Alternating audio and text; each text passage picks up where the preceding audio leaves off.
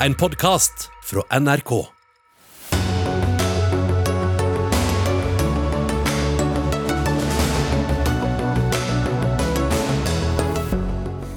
Regjeringen sier den skal komme en usunn konkurransesituasjon i dagligvarebransjen til livs med nye tiltak. En mistenkeliggjøring av dagligvarebransjen, mener Arbeidsgiverforeningen Virke. Lærerne snakker sine ufaglærte kolleger ned straks de får en sjanse, skriver kommentator i Dagens Næringsliv, og får virkelig svar på tiltale fra lederen av Utdanningsforbundet. Høyre vil ha svenske tilstander på utgiftene til uføretrygd, med innsparinger på 4,4 milliarder kroner ved å få flere i jobb. Her var det mye ord og lite konkrete svar, ifølge regjeringen. Og i lys av jukseskandalene i sjakken sendes VM i Fischer-sjakk med en femminutters forsinkelse. Er det nok til å forhindre juks? Ikke følge en sjakkommentator som kommer til oss. Og med det ønsker vi velkommen til tirsdagens Dagsnytt 18. Jeg heter Espen Aas. Og vi skal eh, først snakke mye om dagligvarebransjen, en gjenganger i dette studio.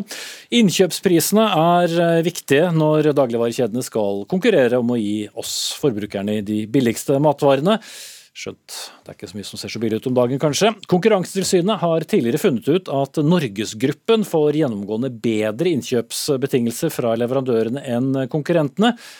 Regjeringen vil nå forby det de kaller usaklig prisdiskriminering mellom kjedene, og la i dag frem to forslag som skal eh, bidra til å forhindre det.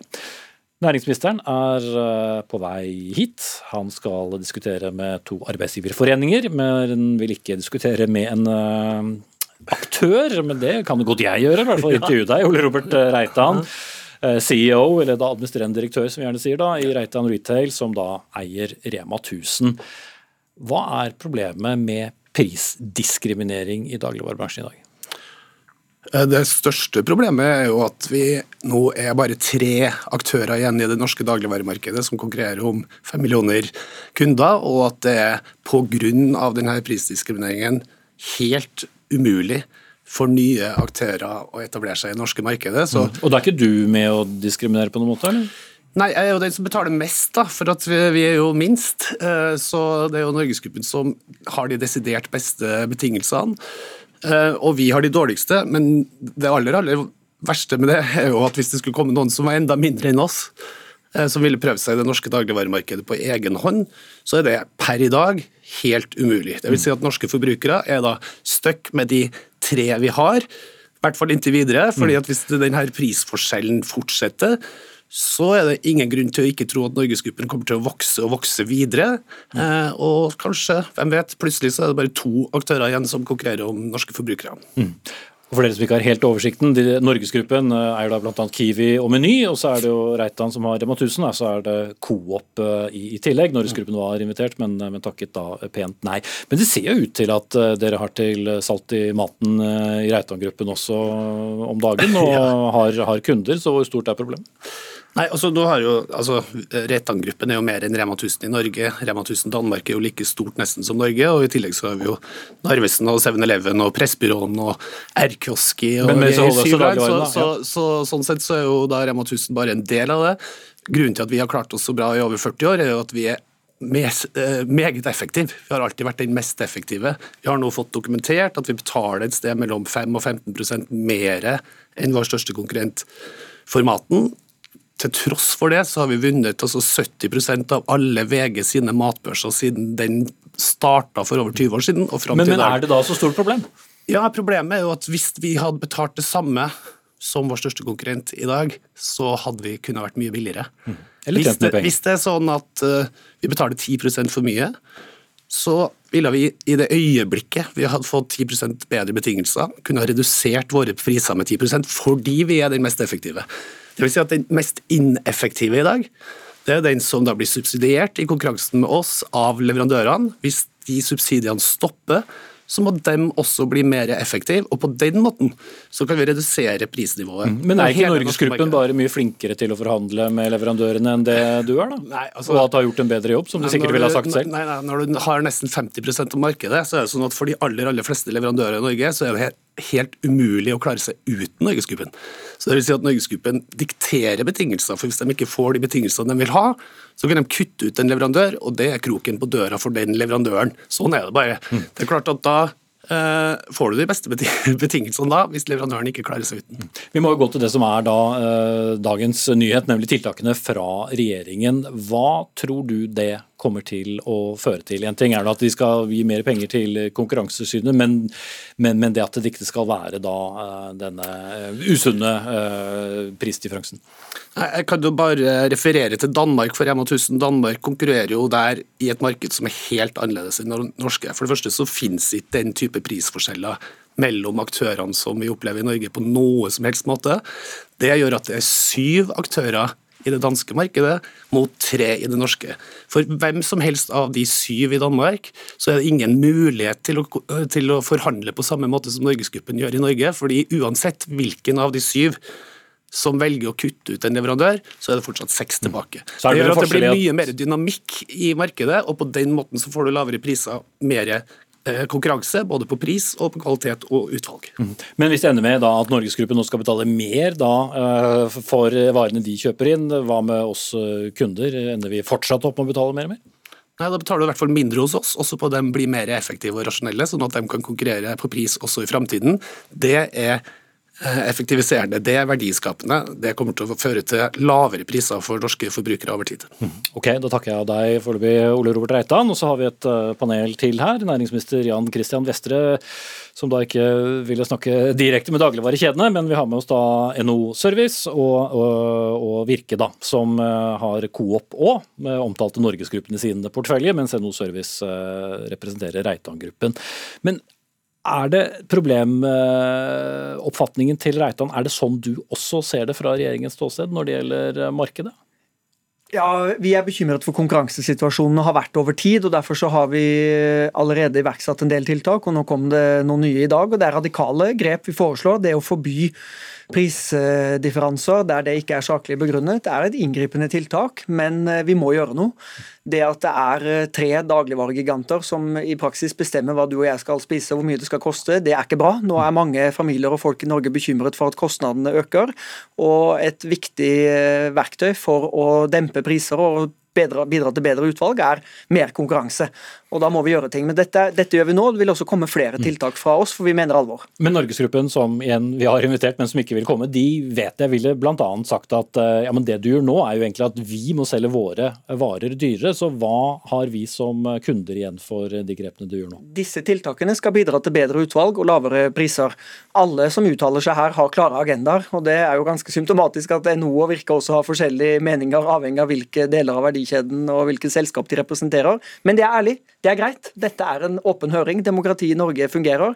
Nå har vi lagt eh, tiltak på bordet. Dette er en høring, og så får vi høre hva de ulike aktørene eh, sier. Men eh, da forventer jeg også at den kommer opp med alternative forslag, fordi dette er noe vi har pratet om i Norge i titalls år, og det har bare blitt verre.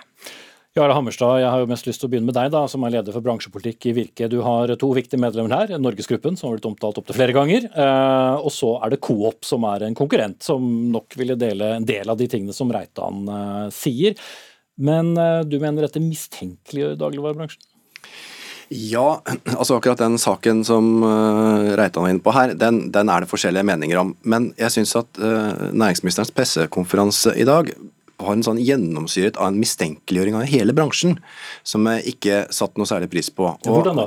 Fordi eh, altså, Dette handler jo egentlig om en verdikjede. Eh, og Hvis man ser på disse markedskonsentrasjoner, marginer osv., så, videre, så må man jo ta med industrien. Og jeg tror knapt næringsministeren nevnte næringsmiddelindustrien i sin pressekonferanse, enda det er veldig mye større konsentrasjoner hvis du ser på enkelte altså, kategorier. F.eks. på kjøtt og på enkelte meierivarer, så, meierivarer så er det større konsentrasjoner hos industribedriftene. Det vil si at de kan kontrollere dette markedet ganske grundig. Og jeg er helt sikker på at uh, Ole Robert Reitan han har mange flere leverandører å velge mellom i sine butikker i Danmark enn tilsvarende i Norge. Og Det syns jeg er et problem, og det bør også næringsministeren ta tak i. Vestre. Ja, da, Det er jeg helt enig i, og jeg sa det også. Vi skal øke konkurransen i alle deler av eh, verdikjeden. Det gjelder selvfølgelig grossistledd, det gjelder hos leverandørene. Og Det forslaget som nå sendes på høring, er jo et forbud som legges på leverandørleddet, der de ikke får lov å gi forskjellige vilkår til ulike kjeder dersom det ikke er saklig begrunnet. Og Så viste jeg også noen tall som viser at vi nå har en stor økning i matvareprisene i Norge. Melka f.eks. stiger om lag 6% fra bøndene. 6,9% fra meieriene og over 10% fra dagligvarekjedene. og Det må vi jo også ta på alvor, som et uttrykk for at det rett og slett er for lite konkurranse i det norske markedet, og at vi må få flere aktører inn også her.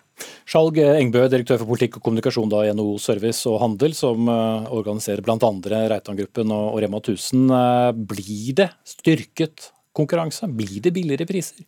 Lavere priser, som det heter på riktig Vi, eh, det vi vet, det er at det har eh, vært et problem i mange år eh, i denne, bransjen, i denne næringen. Og vi i NHO Service og Handel har etterlyst det som Vestre kommer med i dag. Så vi er veldig glad for at du har gjort, og, og gjort en, en, et godt stykke arbeid. Så er jo dette 56 sider som vi fikk servert i dag. Vi må gå gjennom det. Men det er jo all mulig grunn til å tro at når en gir Konkurransetilsynet bedre verktøy enn det Konkurransetilsynet har i dag. slik som det nå legges opp til. Ja, De ga jo litt opp de sist de forsøkte å finne ut dette. Så, så, så, og Det er jo det eh, statsråden nå prøver å svare ut. så er det all eh, grunn til å tro at, at det er mulig å, å, skape mer konkurranse i dette markedet. Og du kan si ja, Vi sitter her i dag og representerer eh, Reitan-gruppen og, og, og, Oda. Eh, jeg skulle gjerne også representert mange bedrifter som ikke finnes. for hvis vi går, hvis vi, Det vi vet, det, hvis vi ser tilbake i tid, så ser vi at det er svært få etableringer i denne bransjen de siste årene. Og veldig mange sier at årsaken til det er at hinderet for å komme inn er for høyt. Terskelen for å komme inn i dette markedet er for høy. Uh, slik at uh, Det er ingen tvil om uh, og, og, og, En annen ting vi vet, det er at når Konkurransetilsynet undersøkte innkjøpsprisene, så så de at på mange sentrale varer så var det veldig store prisforskjeller, men de kunne ikke gjøre noe. Mm.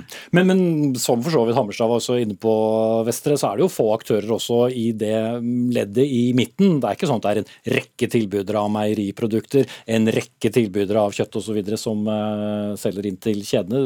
Når det skal bli bedre konkurranse, skal det bli flere aktører der også, eller handler det mest om hvordan disse aktørene skal, skal, kjøpe inn? Nei, Som jeg sa, så ønsker vi mer konkurranse i hele verdikjeden. Og Forslagene i dag eh, legges jo på leverandørene som dagligvaregigantene kjøper sine varer fra. Og så er det en lang rekke andre tiltak. for å si det sånn. Jeg har bare så vidt begynt. Vi kommer også til å forby disse negative servituttene, som innebærer at en dagligvareaktør kan legge kjepper i hjula for andre aktører som vil etablere seg i de samme lokalene noen år etterpå. Veldig skadelig for konkurransen.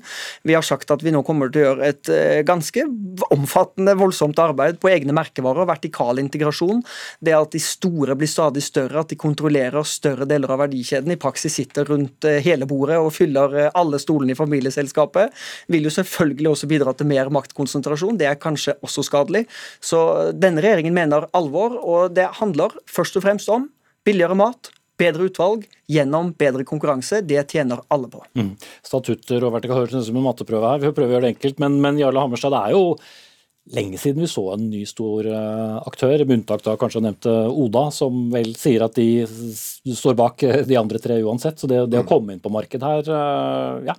Det er ikke lett. Nei, det er nok ikke så lett, det. Så hvordan det gikk med Lidl i sin tid, og det begynner å bli en stund siden. Så nei, vi, vi hadde gjerne sett flere aktører på markedet. Og hvis Også utenlandske? Finne, også utenlandske. Hvis vi kan finne grep som kan få til det, så det, hadde det vært fint, det. Men jeg tviler vel egentlig på at din regjeringspartner er veldig, veldig klar for å gjøre noen grep der. Men vi skal i hvert fall måle deg på det at tiltakene du fremmer, og det er flere av de tingene du snakket om i dag som, som eh, vi eh, støtter, eh, styrking av Konkurransetilsynet, absolutt. Og vi kommer til å måle deg på det at hvis det er noe som fremmer konkurranse, og fremmer lavere priser til forbruker, så skal vi være enige med deg.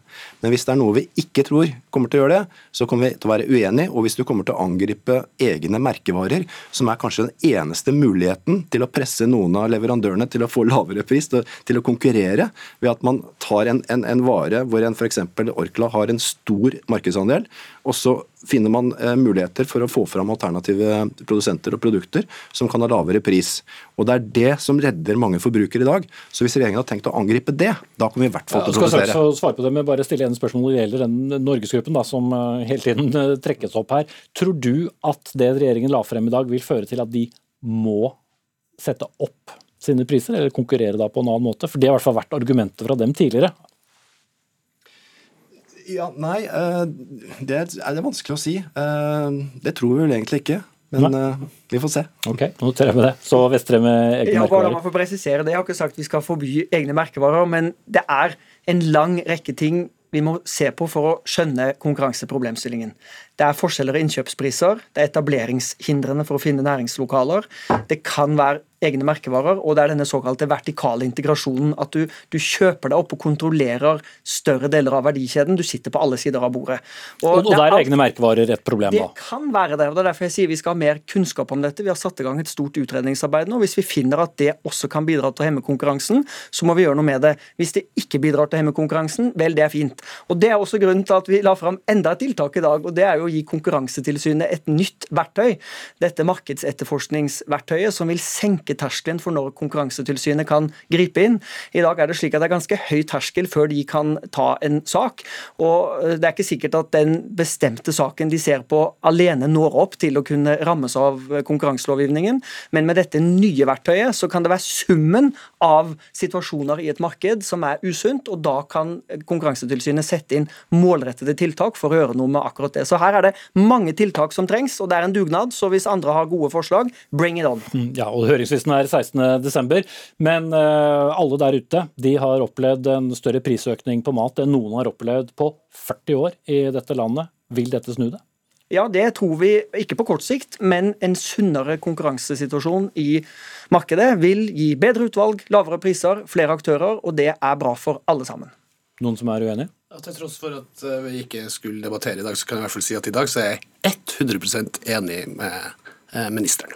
Og da debatterer man jo ikke, for da er man jo bare enig. Jeg takker dere av uh, alle mann. Uh, Ole Robert Reitan fra Reitan-gruppen. Sjal Gjengbø, direktør for politikk og kommunikasjon fra NHO Service og Handel. Jarle Hammerstad, leder for bransjepolitikk i Virke. Og Jan Christian Vestre, næringsminister fra Arbeiderpartiet. Men vi gir oss ikke ennå, for vi skal prate litt til om uh, situasjonen i dagligvarehandelen. For vi er jo alle opptatt av prisene, og vi måler dem og, og kjenner det på lommeboka hver dag. Økonomikommentator Sindre Heyerdahl i E24. Hva er det egentlig næringsministeren gjør, utover å legge ut noen forslag på høring fram til 16.12.? Ja, Han viser at han er aktiv da, på nok et felt. og Det mens eh, altså, vi alle opplever den største prisøkningen på matvarer på 40 år. Eh, mange har altså aldri opplevd det verre. Og Han gir jo da et sterkt inntrykk av aktivitet. Og så er det nok eh, heller tvilsomt om en del av disse forslagene vil ha så mye effekt. Men det er iallfall et måte å også holde debatten i live. Og hvis vi ender med at vi alle blir litt mer prisbevisste i butikken, så har vi i hvert fall kommet et stykke på vei. Ja, for Skulle jeg hatt inn alle næringsministrene som har skulle gjøre noe med situasjonen i dagligvarehandelen inn i dette studio, så måtte vi i hvert fall la døren stå åpen. For Vestre er ikke den første, men han har eh, vært veldig aktiv i løpet av, dette året. Men hvorfor har du ikke så tro på at dette kommer til å føre til så mye? Nei, fordi mange av disse forslagene også i en viss grad innebærer reguleringer som også kan dempe konkurransen. Det jeg kanskje har mest tro på, er dette vanskelige ordet negative servitutter. Altså som i hvert fall eh, gjør at f.eks. Kiwi ikke på samme måte kan hindre Rema i å etablere en butikk rett eh, ved. Men ellers er det også en eh, hellig ku, en hellig norsk ku egentlig, i debatten som få av dem nevner, fordi de ikke er interessert i det. Mm. Og det er det er importvernet. Det er de skyhøye tollmurene på særlig ost og kjøtt, men også ganske høy toll på en del andre produkter. Og det bidrar til å dempe konkurransen. Det bidrar til at det blir vanskeligere for utenlandske kjeder å komme inn i Norge. Ja, for Lider ble nevnt uten at man problematiserte det videre. Nettopp. Og vi hørte jo Reitan her nevne Danmark. Der er det flere aktører. Der er det ikke samme importvern. Nei da, og det er jo EU i tillegg, så der uh, vil det jo være uh, helt andre forhold. Men hvorfor vil ingen av de uh, herrene, fire herrene som satt rundt bordet her, nevne akkurat det med importvern, tror du? Det er dessverre altfor mange i Norge som er tjent med å ha importvernet. hele leverandørkjeden, også dagligvarene til, kjedene til en viss grad.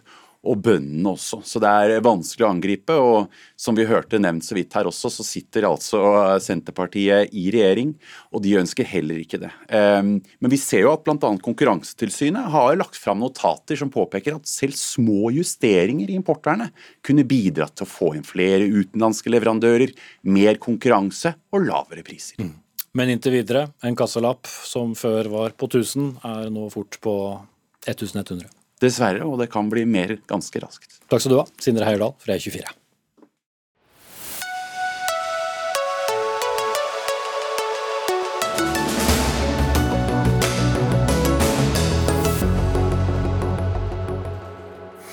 Så til lærerne i kjølvannet av deres lønnskamp, som jo strandet i tvungen lønnsnemnd, som vi husker. Premisset om at høyere lønn skulle sørge for en tilstrømming av nye søkere til læreryrket, får seg en eh, liten en på tygga i Dagens Næringsliv i dag. Det er, dette er snarere å konstruere en pariakaste i skolen, skriver du i egen avis, kommentator Eva Grinde. Du sier rett og slett at de utdannede lærerne, som var de som streiket, eh, snakker ned sine kolleger. Hvordan, hvordan gjør de det?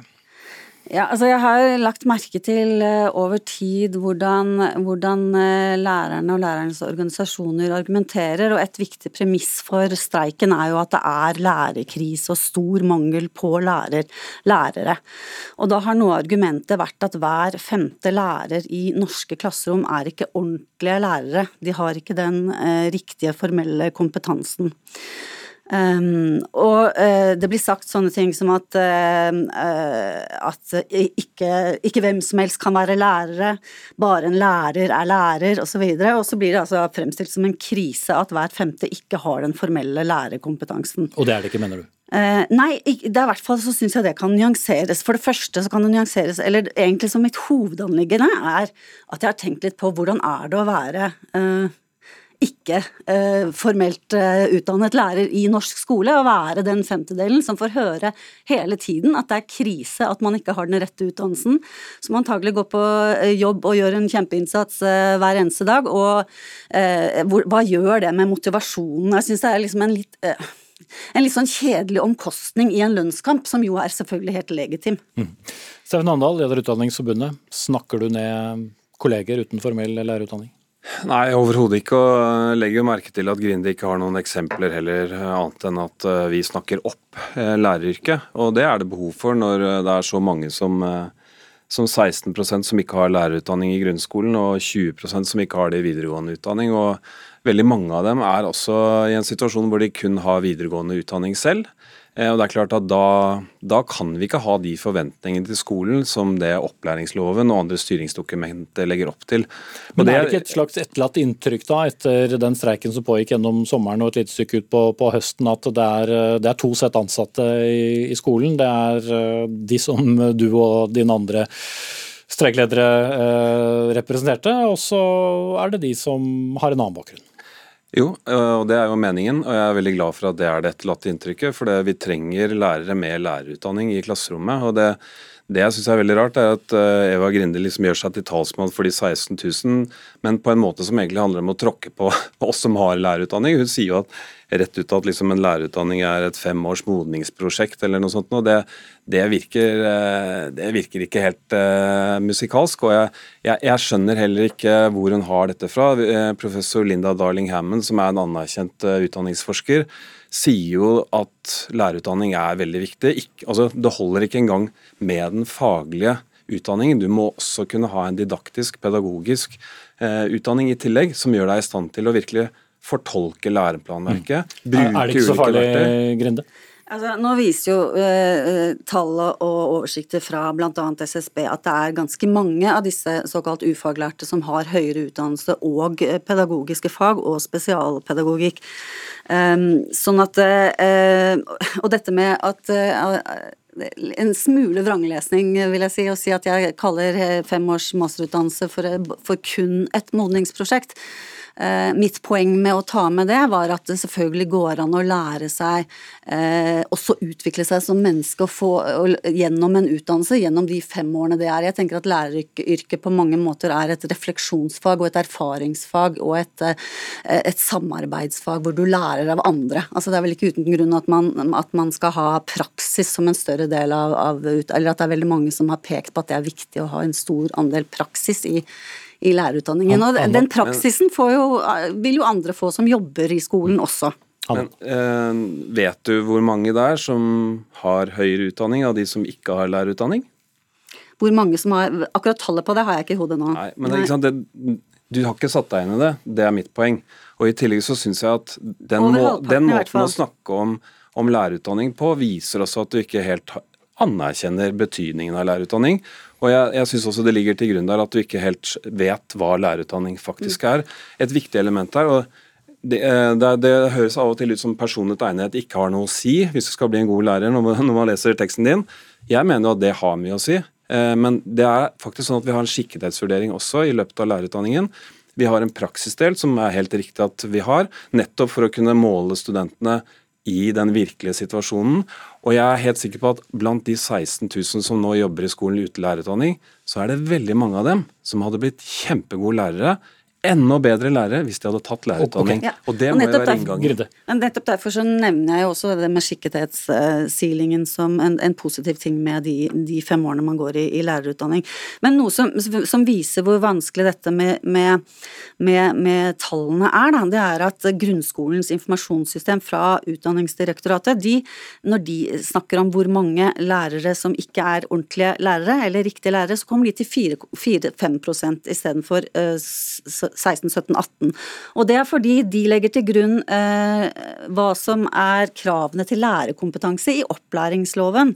Sånn at eh, Det er mange måter å regne på. Du henviser jo selv til SSB-tallene, og jeg spør deg hva sier SSB, og du har ikke helt nei, men, oversikten over det. Eh, og jeg kan fortelle at det Dette blir veldig avledende. Det, nei, det er ikke det, for dette er viktig. De som ikke har lærerutdanning, de er ikke én en ensartet gruppe. Der finnes det nyanser, men, men, veldig mange av dem har bare videregående utdanning. Og det er klart, eh, det er ikke bra at vi slipper folk liksom så vidt ut av skole, skolegården en sommerferie, og så er det tilbake og stå på den andre siden av kateteret. Mm. Men det var kanskje ikke du, de du først og fremst pekte på? Nei, altså mitt poeng var å nyansere eh, det, altså Ja, det gjør du ved å tråkke på lærerutdanning, det syns jeg ikke er bra. Utdanningsforbundet startet eh, sin eh, oppvarming til, til, eh, streiken med en kampanje med plakater rundt om i byen hvor det sto vi, vi savner 16 400 lærere. Og mange av dem har da jobbet i mange år som lærere og har pedagogisk utdannelse og annen høyere mm. utdannelse. Okay, må... Det er ikke riktig. Det er ikke riktig det du sier nå. Ja, må... Mange av dem har ikke pedagogisk utdannelse. Dere skal få klare opp det på utsiden, for jeg er redd jeg må bedre gå ut på vennligst mulig måte. Steffen Adal, leder av Utdanningsforbundet, og Eva Grinde, kommentator i Dagens Næringsliv. Det blir mer om skole litt senere i Dagsnytt 18. Og 70 000 nye flyktninger er på vei til Norge fra Ukraina, anslo statsministeren i dag. Klarer Norge bosette dem når vi allerede sliter i storbyene med de som har kommet i år?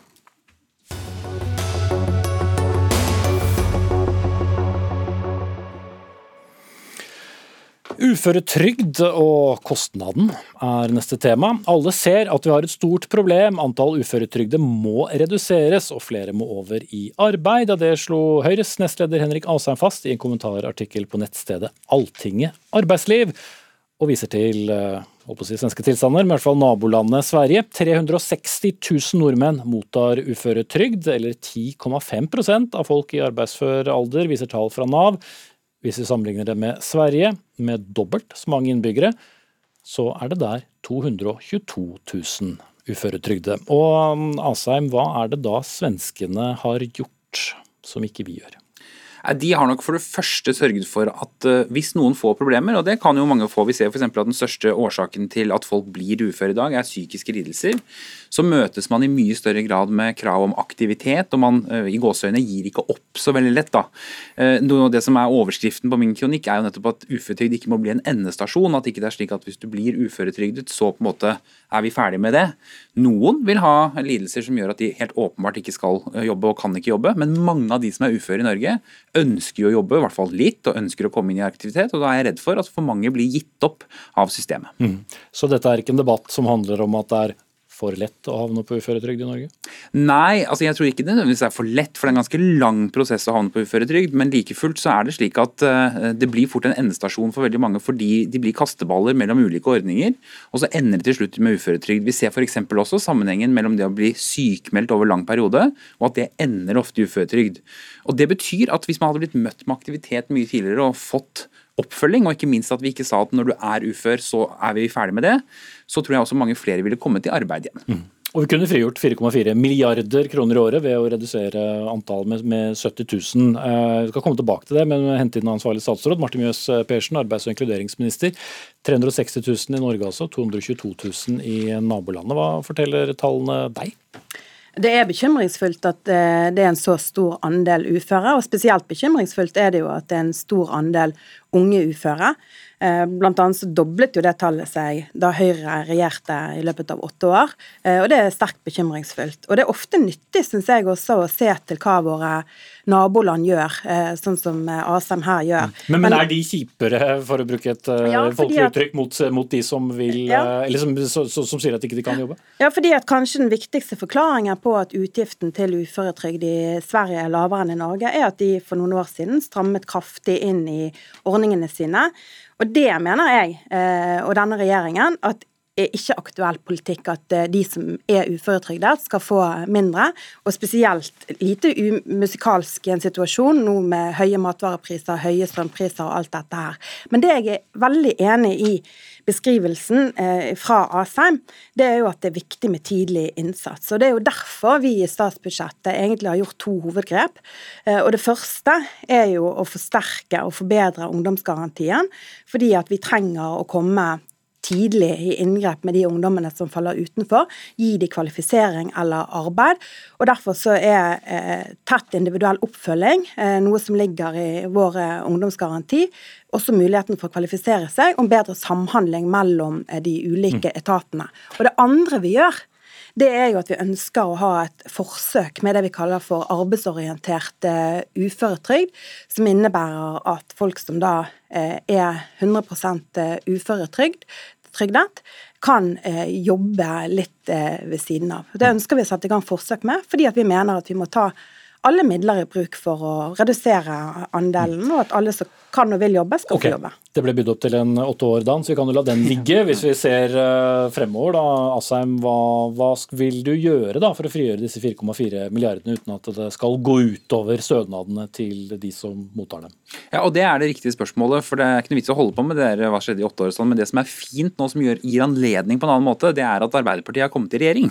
og Det betyr at de nå må svare det samme som vi gjorde, nemlig at det var ikke fordi Erna Solberg var statsminister at det ble flere unge uføre, f.eks. Det var fordi f.eks. flere av de lidelsene som man før dessverre døde av som ung, nå overlever man, og flere av dem blir uføre. Det samme med noen av de grepene vi gjorde på ordninger som gjorde at det ble flere.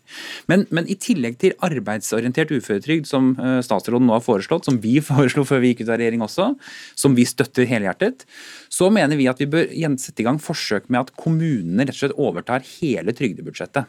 Og Det kan høres eh, rart ut, men det betyr egentlig at for i dag så er det slik at hvis du havner på sosialhjelp, så er det kommunen sitt budsjett. Men havner du på uføretrygd eller arbeidsavklaringspenger, så er det staten som betaler. Så mange opplever når de møter kommunen f.eks. at de blir en kasteball hvor det er om å gjøre å få dem over på et annet budsjett. Hvis kommunen sitter på hele budsjettet, så tror jeg mange av den førstelinja i velferden vil møte deg med bare hva er behovene dine, for de betaler regninga uansett. Men de får dem selvfølgelig overført fra staten, så det er ikke sånn at kommunene skal betale for alt sammen. Men da kan de også sitte igjen med pengene hvis de får deg ut av ordninger og over i arbeid, f.eks.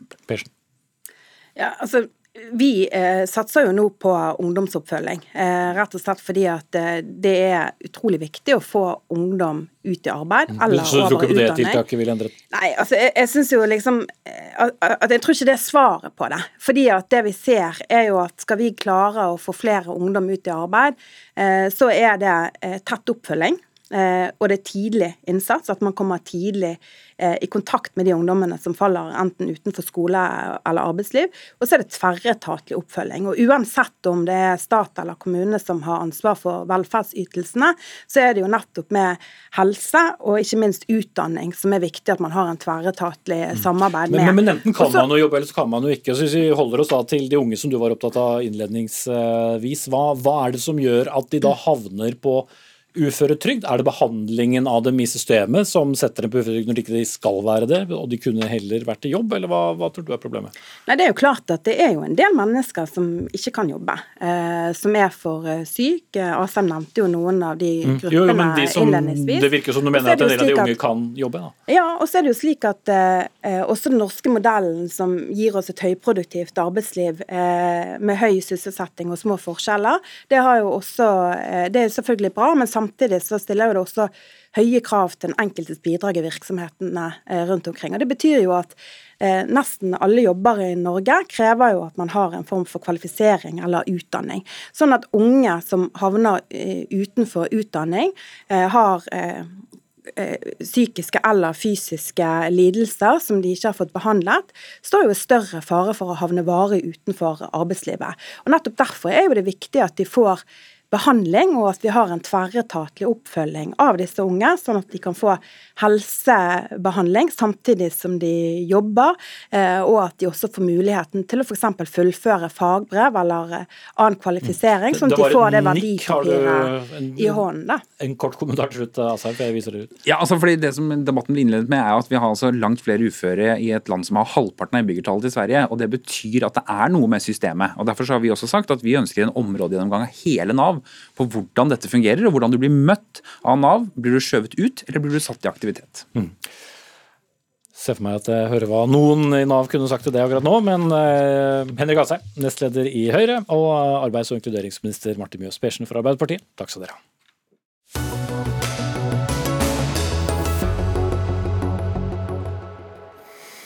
Det er jo en uh, favorittaktivitet å snakke om uh, åtte år i dette studio. Nå skal vi snakke om ett år, for det er omtrent eh, så lenge regjeringen Støre har sittet. Og for Høyres Jan Tore Sanner markeres også dagen som ettårsdagen for nedprioritering av kunnskap og kvalitet i skolen. Og Du er skolepolitisk talsperson fra Høyre, og bakgrunnen innenfor feltet som statsråd også. Hva, hva mener du med det, med nedprioritering? Det tar tid å bygge opp kunnskap og kvalitet i skolen. Eh, Og vi så at norsk skole var på riktig vei ved at flere fullførte videregående skole. Faktisk 5300 ungdommer flere hvert eneste år som har fått fagbrev eller mulighet til å studere. Vi så at de elevene med det svakeste utgangspunktet løftet seg mest.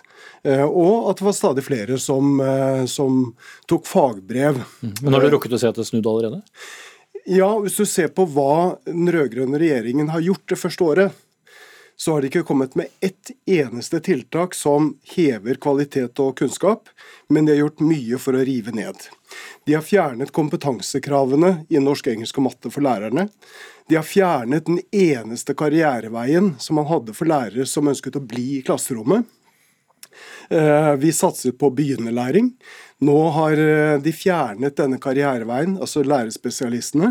Og vi så at noe av det første de gjorde, det var å kutte en ekstra time i naturfag, som vi også Men, men du har vel ikke rukket å se konsekvensene av den omleggingen ennå på elevene, eller? Nei, men det tar tid å bygge opp kunnskap, som vi gjorde i alle ledd av utdanningssystemet.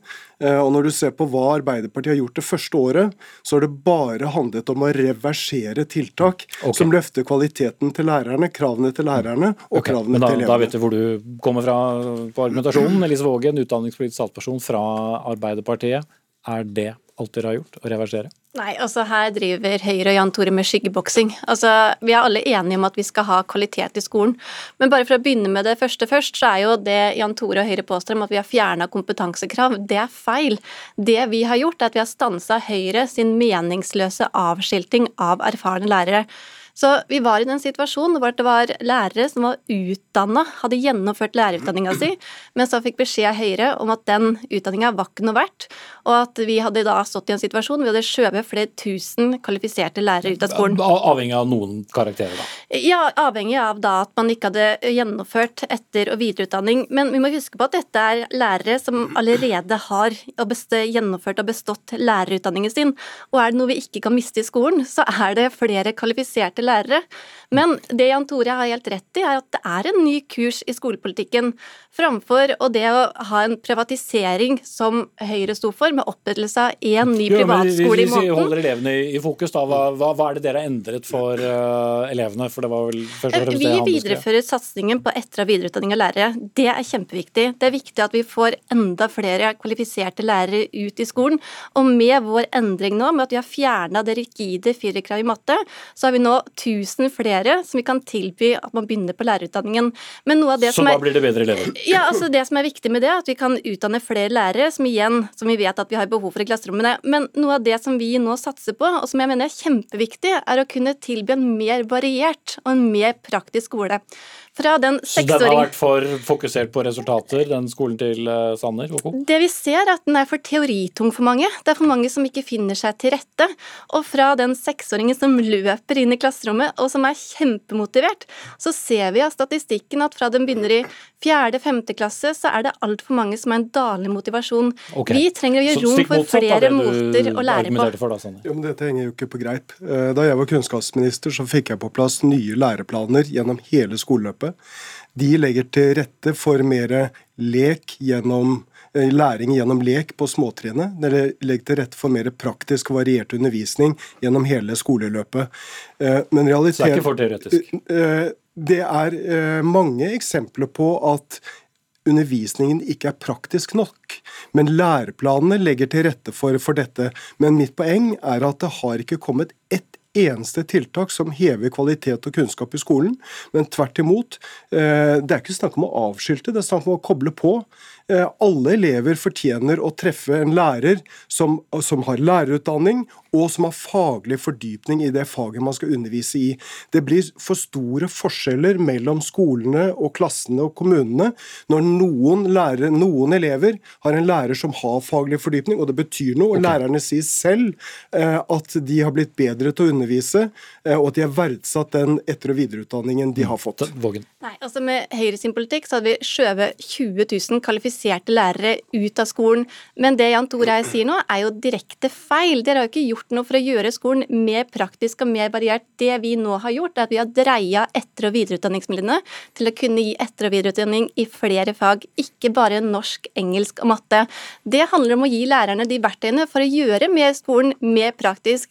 Og nå går vi også i gang med en ungdomsskoleform for å se hvordan er det vi kan endre ungdomsskolen. For vi vet at er det noe vi trenger, så er det å engasjere elevene også ut i ungdomsårene for å ikke miste dem inn i videregående. Sånn. Det er bra at det legges til rette for etter- og videreutdanning i flere fag, men det som er uheldig, er at det blir mindre norsk, engelsk og matte. Dette er redskapsfag.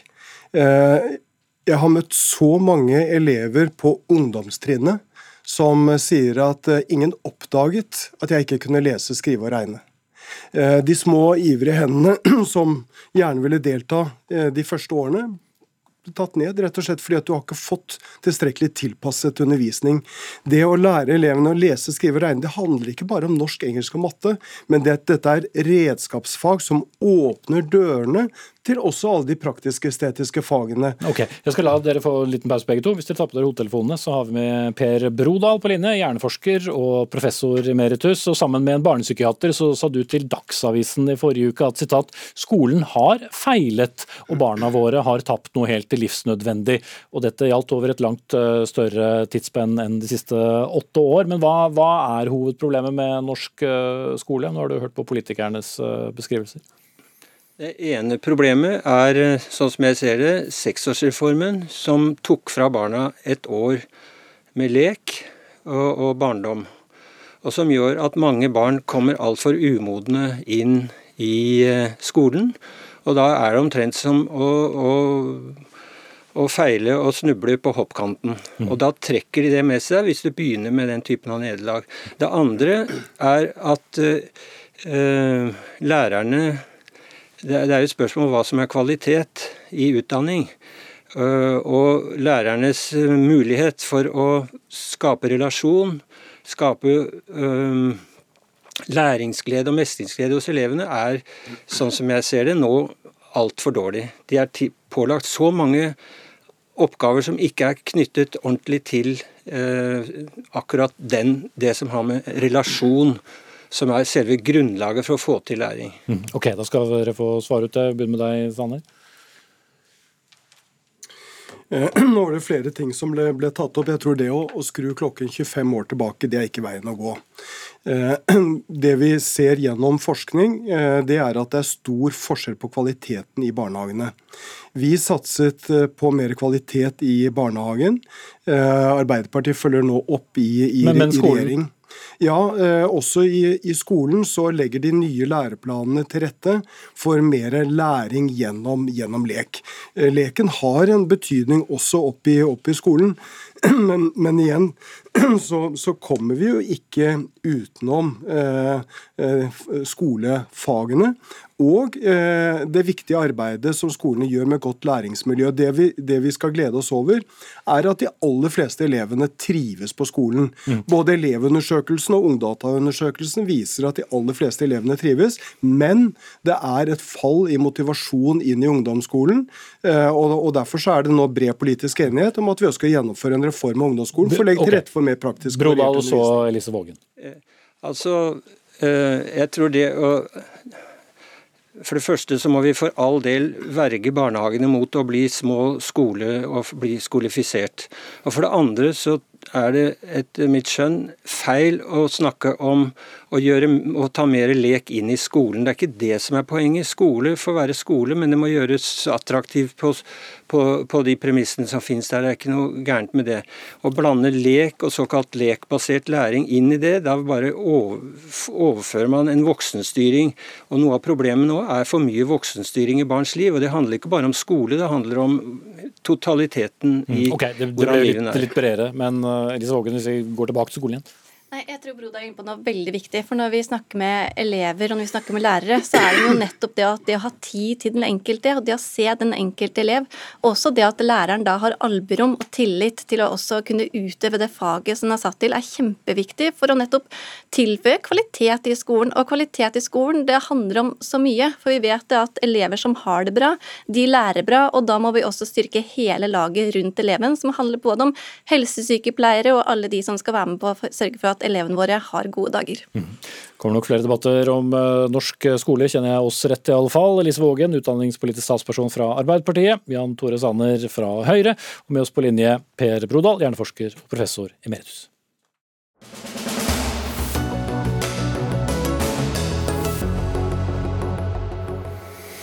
Så skal vi se litt mer svart-hvitt på ting. Avskrudd mobil og metalldetektor er ikke gode nok sikkerhetstiltak under VM i Fischer-sjakk, som startet for ja, noen timer siden.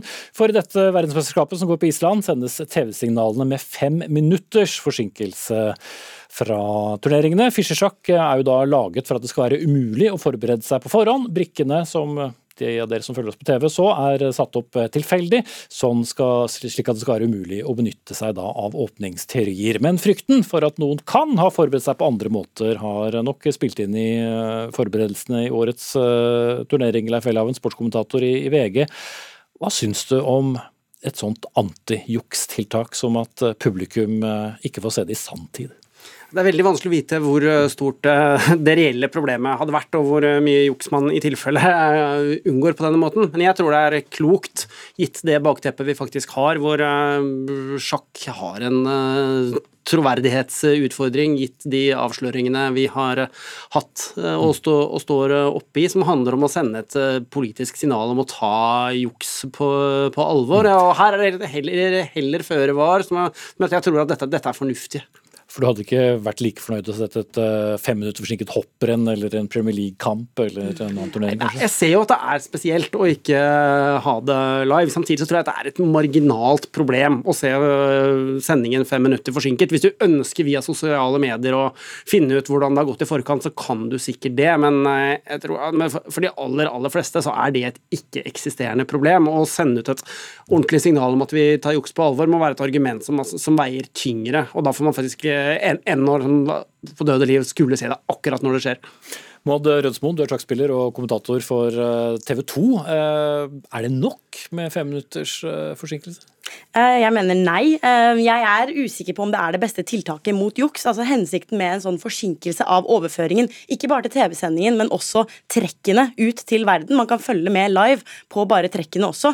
Eh, det er fordi man vil hindre at det fins en eller annen utvendig hjelper som du på en måte, som får trekkene, og så som gir deg et signal tilbake. Dette bør du Mm. gjøre. For de må rett og slett se sjakkbrettet og vel ha en datamaskin til hjelp for å da komme med et godt råd om, om hva de skal gjøre? Ja, nettopp. De må ha en fasit i form av en datamaskin som sier deg dette er det du skal gjøre. Så må de formidle det tilbake til spilleren. Så hensikten med den femminutters pausen, eller forsinkelsen, det er at du ikke skal i sanntid kunne kommunisere med noen der ute. Eh, problemet her blir at de spiller med 25 minutter tenketid per spiller, eh, og flere i verdenstoppen har sagt at de bare én eller to ganger i løpet av et parti trenger et råd eller et tips fra en datamaskin for å kunne øke sitt nivå betraktelig. Eh, og en femminutters tenkepause, det kan du unne deg. Det er sannsynlig. Det har nok skjedd allerede når vi sitter her nå. Eh, Så derfor tror jeg at fem minutter, hvis du først skal ta en sånn forsinkelse, så bør du enten ta 15 minutter eller ikke i det hele tatt.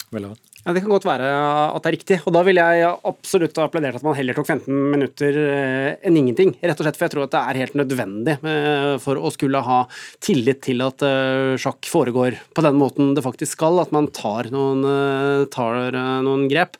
Nå er det vel sannsynligvis at det store jukseproblemet er uh, sannsynligvis på helt andre arenaer enn enn denne, og det er forskjell på ulike om ting skjer online eller fysisk, og at dette mesterskapet skulle være en sånn juksereir, er det vel liten, liten grunn til å tro. Men, men, men, Men, men sjakken har jo mistet uh, uskylden så det holder når det gjelder uh, juksing, og det har vi sittet og diskutert her i, i studio og det er jo litt tidligere. ironisk at vi snakker liksom om Fischer-sjakk, gitt uh, historikken og hvem dette er oppkalt etter, og Ja, Carl, kald, kald, som krig og, og så videre. Og det har jo et, det jo, har et bakteppe over tid hvor det har vært uh, beskyldninger om diverse kreative metoder uh, uh, i sjakk, og hvor mye, hva som har vært realitet og hva som er myter, er litt, er litt vanskelig å si. Men det først er, når en gang er i, i den situasjonen hvor altså, juks i sjakk er satt så til de grader på dagsordenen, så er det vanskelig for å se hva, hva, man, hva man sånn, skulle tape på å ta ut litt ekstra sikring. Ja, for seks år siden Bobby Fischer spilte da på Island mot, mot russere, som er da bakteppet. Og juksingen har i hvert fall røtter tilbake der, Røsmoen. Ja, eh, og det, ikke sant, Hva er det man taper med denne forsinkelsen, vil jeg komme tilbake til. fordi jeg mener at sjakk det er en live sport. Det har blitt det eh, gjennom TV-sendinger, men også bare generelt med formidlingen ut til verden. Og det fins eksempler, f.eks. når eh, Magnus spilte mot eh, Anand eh, mange år tilbake i VM, så gjorde Magnus en kjempestor tabbe, og så holdt hele verden pusten sammen og tenkte Å, kommer nå Anand til å se det? Hvis vi på noen måte hadde fått avslørt at å, der var matchen over. Der vant Anand VM. Det hadde vært totalt ødeleggende for den opplevelsen. Men også det at vi ikke får noen reaksjoner. Det blir liksom som om noen skulle sitte i et annet rom og jublet på en fotballkamp de så på fem minutter før deg.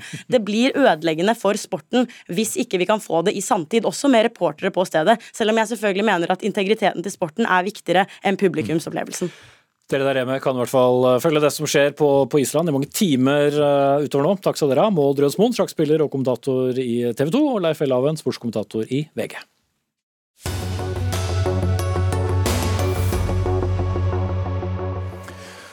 Til slutt denne sendingen til eh, de mange konsekvensene av Russlands krig mot Ukraina. For 70 000 ukrainske flyktninger kan komme til Norge i løpet av i år og neste år.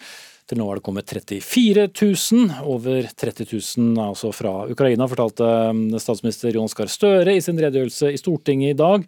Og vi må nå planlegge for at det kan altså komme 40 000 fordrevne fra Ukraina i 2022, og ytterligere 30 000 i 2023. Det ble mange tall her, jeg beklager det, men totalen er i hvert fall 70 000. Eh, Åsmund Aukrust, parlamentarisk eh, nestleder og utenrikspolitisk statsperson i Arbeiderpartiet. Du stepper inn for statsministeren som ikke hadde mulig. Hva kan sentrale myndigheter bidra med for å hjelpe kommunene som nå skal bosette flere flyktninger enn de noen gang eh, har gjort? Det har jo kommunene allerede gjort. Det er jo bosatt flere flyktninger i år enn noen gang tidligere. Og det har jo vært fantastisk å se den innsatsen som kommunene har gjort. Men ikke helt knirkefritt, og ventetiden har vært lang? Nei, men det har nok gått mye enklere enn de fleste hadde trodd. Det er klart, når krigen starta og vi skjønte at vi kom til å ta imot tusenvis av flyktninger, så hadde vi jo Syriakrigen bak i hodene våre, eh, hvor vi oppsto en, en, del problemer og folk ble sittende veldig lenge på mottak. Nå ser vi jo at det har gått egentlig eh, mye bedre enn det vi hadde trodd, og det er jo ikke noe som har kommet av seg sjøl. Det kommer fordi det har vært en fantastisk innsats fra kommunene, eh, fra, fra IMDi, fra politiet og ikke minst fra mange frivillige. Mm. Så det er klart, Med alle de veldig gode erfaringene vi nå har, må vi ta med oss i det som kommer til å bli en veldig tung vinter for ukrainerne, som gjør at det er grunn til å tro at det kommer til å komme flere eh, ukrainere til Norge i året som kommer. Like fornøyd, Pål Nesse, generalsekretær i Norsk organisasjon for asylsøkere, NOAS. Du var litt bekymret i, i radioen i morges? Ja, men det store bildet er helt riktig, og da skal både rikspolitikere og forvaltning og lokalpolitikere ha skryt, og alle de andre som har stilt opp. Og vi har virkelig sett en positiv grunnholdning her, og en vilje til å få dette til. Så det er veldig bra.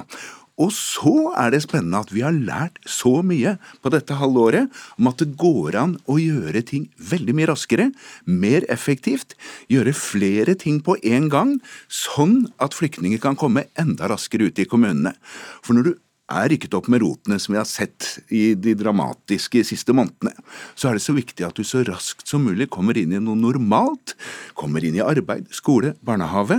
Og da må du ikke sitte på et mottak og glo i veggen og bli trist og tiltaksløs. Men, men kan, vi, kan, vi, eh, egentlig sammenligne Ukraina-flyktningene med alle asylsøkere og andre som kommer til Norge? Det er mange fellestrekk og flere likheter enn det er forskjeller, så det kan vi. Og ikke minst da dette med at du kan gjøre dette raskere. Og i NOAS tror vi at hvis du gjorde flere ting med det samme de kom, bl.a. til dette nasjonale ankomstsenteret på Råde, hvor veldig mange starter, så kunne du jobbe tettere med kommunene, og så kunne du hoppe over hele det og sitte i et mottak i mellomtiden. Enig? Jeg synes at Det er jo interessante ideer. og jeg tenker at Når vi skal ta imot kanskje da, mange mange tusen, det vi vet jo ikke. Det er kommet et anslag på 70 000 for disse to årene. Det kan mm. bli både mange flere og mange mindre. Eh, men da må vi få med oss alle de gode erfaringene eh, som bl.a. frivillige organisasjoner og som ikke minst bl.a. NOAS gjør. Men så går det jo heldigvis veldig raskt i dag. I dag tar de i snitt under to måneder på mottak. Og det er ikke bare ukrainske flyktninger, det gjelder alle av type asylsøkere. Så det er jo en, det er en enorm dugnad som ligger bak det. Eh, og det er så mange som har sin del av æren for det. Og det er jo helt riktig som NOAS rett sier, vi må sørge for at de ukrainerne som har opplevd helt forferdelige ting i Ukraina, og de som kommer nå, kommer til å oppleve mye verre ting enn de som kom i starten av krigen. At de kommer til Norge, at de føler seg trygge her. At de føler at nordmenn eh, tar vare på dem, gir dem eh, skole, gir dem arbeid. Og at vi også gjør dem klare til å reise hjem til Ukraina og være med å bygge opp landet igjen. og Da skal også Norge vise at vi er med. Og Statsministeren sa jo veldig tydelig at uh, gjenoppbygging av Ukraina skal Norge stå med. Mm. mm vi er ikke der ennå. Pål Nesse, kan vi gjøre det enda lettere? Ja, vi kan det. Og det er det vi har lært igjen. altså at Hvis vi gjør flere ting på én gang, og ikke alltid alt i rekkefølge, parallelt, politiet, utlendingsmyndighet, bosettingsmyndigheter, kommunene Vi vet at det kommer flere, vi kan være mer forberedt, og så kan vi få dette enda mer ned. Hvis vi har klart å få det ned fra 18 måneder til under to, så kan vi klare å få det fra under to til godt under én. Og da er det veldig mye bedre for flyktningene, og det er også veldig mye bedre for skattebetalerne, for her vil det være veldig mye penger spart. Ja, apropos penger. Rundt eh, åtte milliarder kroner. Eh, det er vel en sum som ble nevnt i Stortinget i dag. Regjeringen skal komme tilbake med, med, en plan i revidert budsjett midtveis neste år, kanskje, kanskje, før hvis vi har kunnskap nok. Men dette må bety visse endringer i et budsjett som stadig omtales som stramt?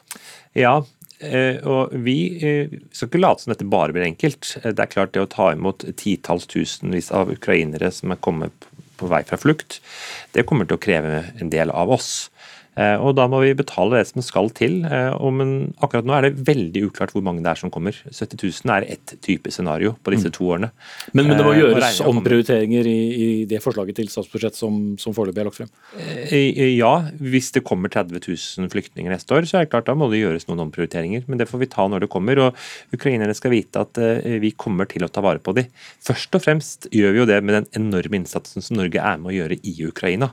Også for de millioner av flyktningene som som er i Ukraina, som tross alt er de aller, aller fleste flyktningene, eh, de går en veldig kald vinter i møte. og Et av tingene som vår statsminister nevnte i dag, er jo at vi nå betaler for gass for ukrainerne. Hvor vi ser at mye av elektrisiteten er slått ut, og da trenger vi at de holder seg varme. og Derfor må vi betale for gassen deres. Skal snart runde av, men Pål Nesby, vi vet jo ikke tidsperspektivet her. Og så er det jo hva som skal skje den dagen krigen er um, over. Vi ser at eh, folk, hvis det ikke har gått altfor lang tid, mange vil vurdere å reise hjem, for noen vil det bli umulig. Og nettopp det å kunne ha begge de to tankene i hodet på en gang, et mulig retur og integrering i Norge, det gjør det bedre for flyktninger, og det gjør det bedre for oss som tar dem imot. Ja, Ja, Vi har ikke tid til å få det svaret der. Er redd Åsmund Aukrust, parlamentarisk nestleder i Arbeiderpartiet, og Pål Nesse, generalsekretær i NOAS. Takk skal dere ha. Vi er ved veis ende med denne sendingen min. Som musikken antyder, Anne Katrine Førli var ansvarlig for innholdet. Lisbeth Sellereite det tekniske. Jeg heter Espen Aas. I morgen er kollega Sigrid Solund tilbake med ny sending. Takk for nå.